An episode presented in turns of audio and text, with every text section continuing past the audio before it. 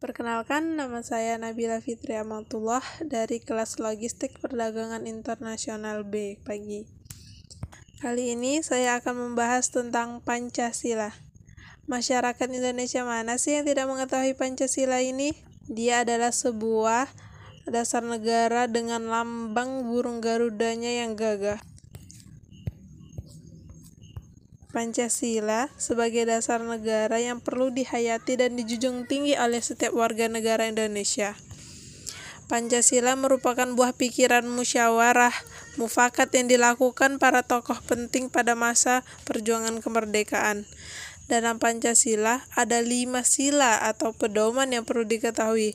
Kelima prinsip yang ada pada Pancasila tersebut pertama kali dicetuskan oleh Presiden I.R. Soekarno pada tanggal 1 Juni 1945.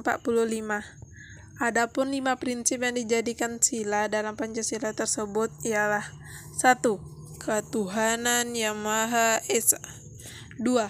Kemanusiaan yang adil dan beradab 3. Persatuan Indonesia 4.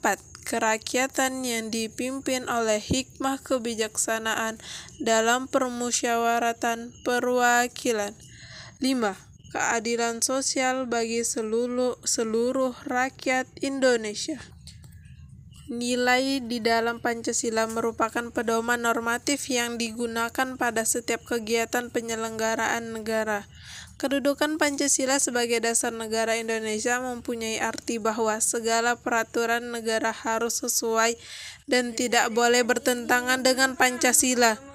Pancasila ini memiliki kedudukan sebagai dasar negara, sebagai pandangan hidup negara Indonesia, sumber dari segala sumber hukum, sumber cita-cita dan tujuan nasional, sebagai perjanjian luhur, sebagai jiwa bangsa Indonesia, sebagai kepribadian bangsa Indonesia, dan sebagai ideologi bangsa Indonesia.